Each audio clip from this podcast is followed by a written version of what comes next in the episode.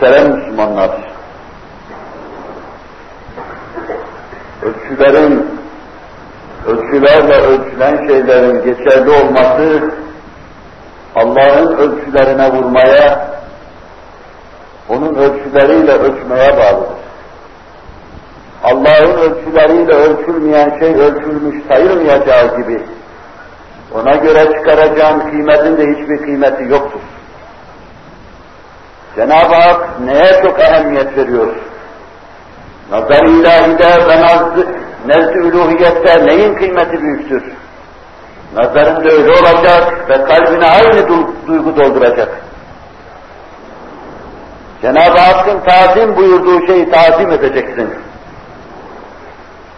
Cenab-ı Hakk'ın tahkir buyurduğu şeyi de tahkir edeceksin.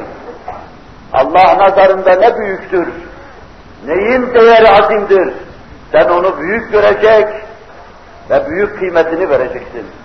Allah nazarında neyin kıymeti düşüktür, hangi şey hakir olarak ele alınmıştır, onu da hor ve hakir görecek, ayağın altına alacaksın.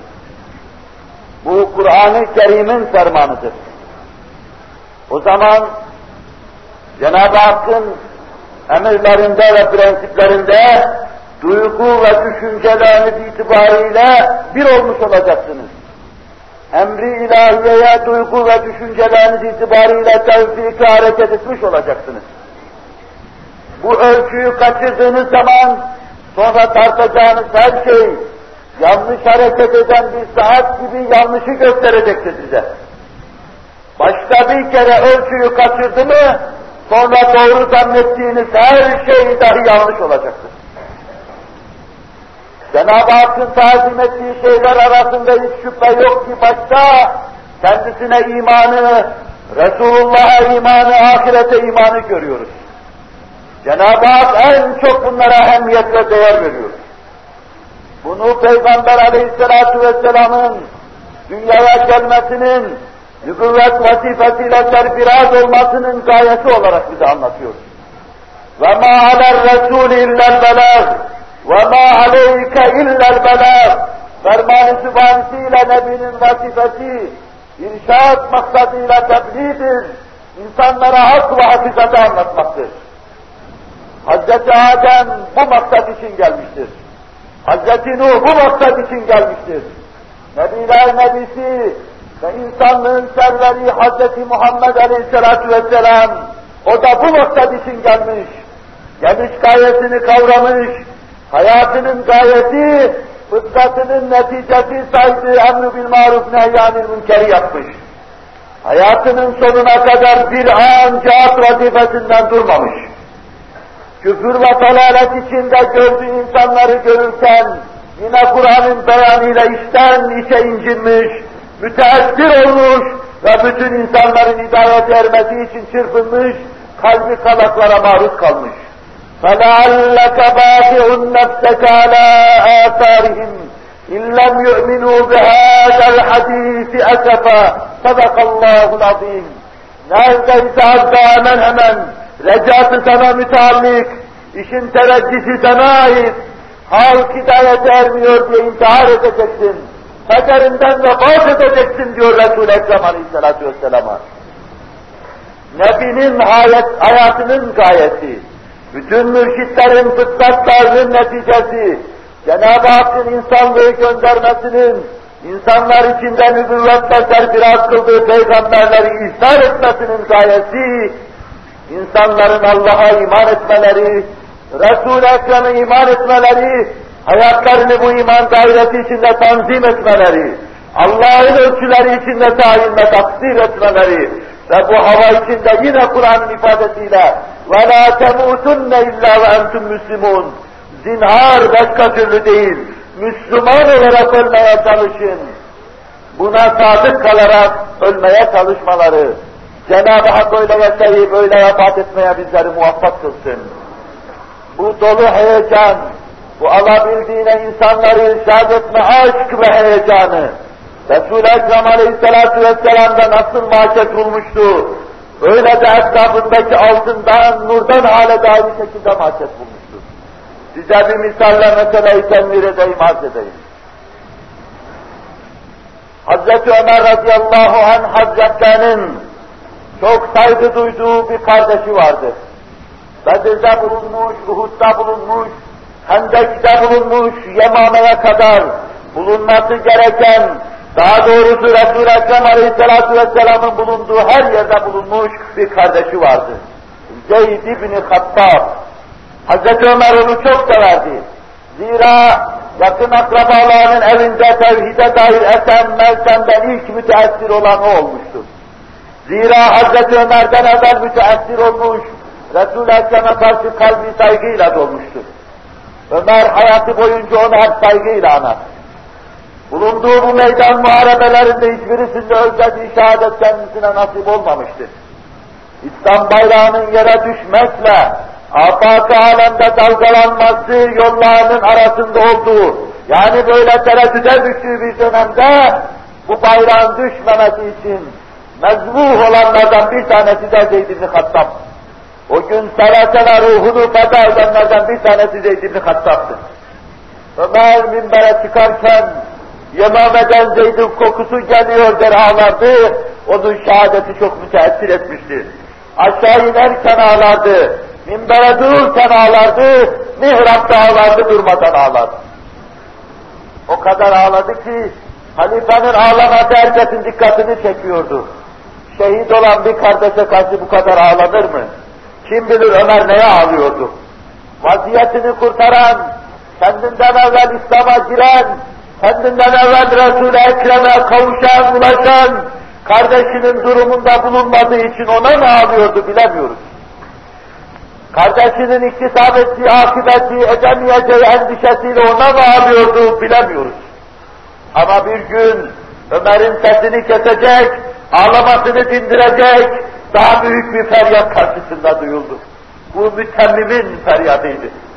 Mütemmim mescide girince öyle feryat ediyordu ki, ona ağlama denmez, belki böğürme denir. Niçin ağlıyordu? Halifenin işaretiyle ona doğru yaklaştı. Nedir bu kadar feza ve ceza? Niçin bu kadar ağlıyorsun? Neden bu kadar nevbitsin? Ömer sen niçin ağlıyorsun? Ben Zeyd'e ağlıyorum. Ah keşke bir Zeyd gibi kardeşim olsaydı. Bedir'de bulunan bir kardeşim, Uhud'da bulunan bir kardeşim, sonra Resul-i Ekrem'in kıyamete kadar dalgalanmasını düşündüğümüz mübarek adının bayraklanıp dalgalandığı Yemame'de o bayrağın altında şehit olan bir Zeyd'im olsaydı ben sevinecektim. Benim kardeşim de Yemame'de öldü. Öldü ama Zeyd'in karşısında öldü. İmansız öldü. Müseylemetül Kezzab'ın ordusu içinde öldü. Ben de ona ağlıyorum. Ömer'in feryadını dindiren bu feryat, bu bağırtı Ömer'e baskın gelmişti. Ömer artık ondan sonra ağlamadı. Ömer'in en büyük derdi, mütemmimin en büyük derdi, bütün sahabinin en büyük derdi, imansız gitme derdi. Bir büyüğün, fikir adına, beyin adına söz söyleyen bir büyüğün, Alman kadar servetiniz olsa, İngiliz kadar zekanız olsa, işte bu büyük davayı kazanmaya terk edeceksiniz. Hepinizin karşısına bu dava ya kaybedilmek veya kazanılmak üzere açılmıştır. Ya kaybeder eliyazı billah kaygaya baş aşağı gidersiniz veya kazanır cennetül firdevse istifa ve istika edersiniz. İmana Allah değer veriyor. İmana Resulullah değer veriyor. Ve imanlı bir insanı herkesten aziz tutuyor. Hatip bin Beltaha'ya karşı Ömer bin Hattab müsaade et boynunu keseyim şu münafıkın dediği zaman Hazreti Ömer'i hastayı vermişti. Üsame bin Zeyd bir tanesi sıkıştı diye Allah dedi düşüncesiyle o zatı öldürmüş ve katil olarak Resulullah'ın huzuruna gelmiş. Niçin öldürdün? Durmadan tekrar ediyordu kucağında büyüttüğü çocuğa. Niçin onu öldürdün? Halbuki bu düşman ordudan sıkıştığı an cepheye geçmiş bir insandı. O esnada la ilahe illallah demişti.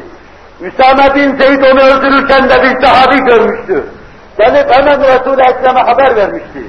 Niçin onu öldürdün diyordu. Ya Resulallah sıkıştığı için dedi. Kalbinden söylemedi. Durmadan şu sözü tekrara başladı. Yarıp kalbine mi baktın? Yarıp kalbine mi baktın? Yarıp kalbine mi baktın? Ah keşke şu ana kadar Müslüman olmasaydım, Resulullah'ın bu hitabını görmeseydim, bir sana binseydim. Resul-i Ekrem şu dudaktan dökülse dahi imana bu kadar ehemmiyet veriyor. Allah'ın ve Resulullah'ın tazim ettiği şey imandır. İman etrafında taşidat yapma müminin en büyük vazifesi olacaktır. Bütün sırtkanların, bütün yırtıcıların, köyleri tertemiz halkı sardı, onlara batıl efkarı telkin ettiği zaman da mümin vazifesinin neden ibaret olduğunu bilmelidir. Mümin vazifesinin irşad cephesinde, tebliğ cephesinde olduğunu bilmelidir. Mümin parlamenter seviyenin üstünde, riyaseti cumhuriyenin üstünde, orduda çeşitli kademelerde vazife yapmanın üstünde bu irşad ve tebliğ vazifesini esas almalıdır. Bana gelen böyle bir teklifte Allah'a yemin ederim ki şöyle dedim kaç defa. Ben bir Kur'an kursunda insanlara Allah'ı ve Resulullah'ı anlatmayı bakanlığa da tercih ederim, başbakanlığa da tercih ederim. Zira bunu Allah her şeye tercih ediyor. Zira bunu Resulullah her şeye tercih ediyor.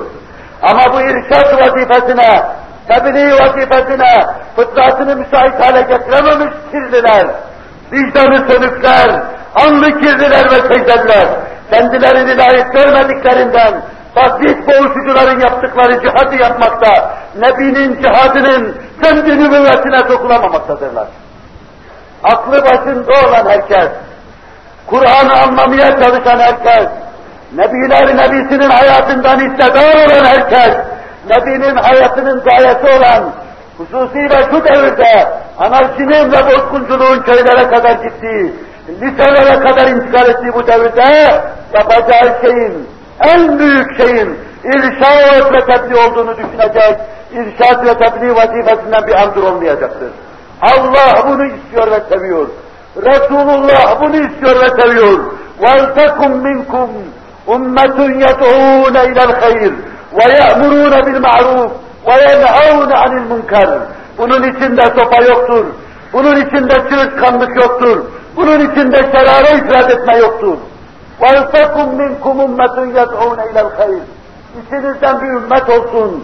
Bir millet haysiyetine ait millet bulunsun. Sağlam bir içtima olsun. İçtimai selahı olan bir bünye olsun. İçine ayarın girmediği, yabancı gözün ve sözün karışmadığı sağlam bedenli bir cemaat olsun. يَدْعُونَ اِلَى الْخَيْرِ Hayra davet etsinler. وَيَأْمُرُونَ بِالْمَعْرُوفِ Marufu emretsinler ve yenhevne anil münker, münkerden de nehyetsinler. Bu büyük ve kutsi vazifeyi vazife olarak üzerlerine alsınlar. Bu onlara yeter. Bu onları aziz kılmaya yeter. Bu onları Allah'a yükseltmeye yeter. Bu onları Resulullah'ın huzurunda sallallahu aleyhi ve sellem şefaatle serbest kılmaya yeter. Allah'ın yeter dediğiyle istifa etmek. Cenab-ı Hakk'ın aziz gördüğünü tazim etmek. Cenab-ı Hakk'ın tahkir ettiği şeyi tahkir etmek.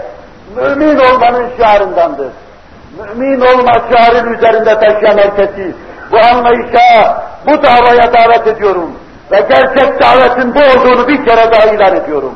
Köye kende kadar gidin, düşmüşlerin elinden tutun, çamurun iskamber diye yüzüne gözüne sürenlere hak ve hakikati anlatın, çamuru gösterin. Siyasi kanaatlarınızda insanların karşısına çıkmayın. Mücadelenize siyaset çeşnisi katmayın. Fikirleriniz peşin hükümle yüzünüze reddedilecek. Elinizdeki elmaslara çamur nazarıyla bakılacaktır. Her şeyden tecerrüt ederek, her türlü krik anlayışından, siyasi anlayıştan tecerrüt ederek, bir mualla mevkide verilen derse şeytan rejimden başka kimse itiraz edemez. Bu şekilde verilen derse itiraz eden birisi varsa,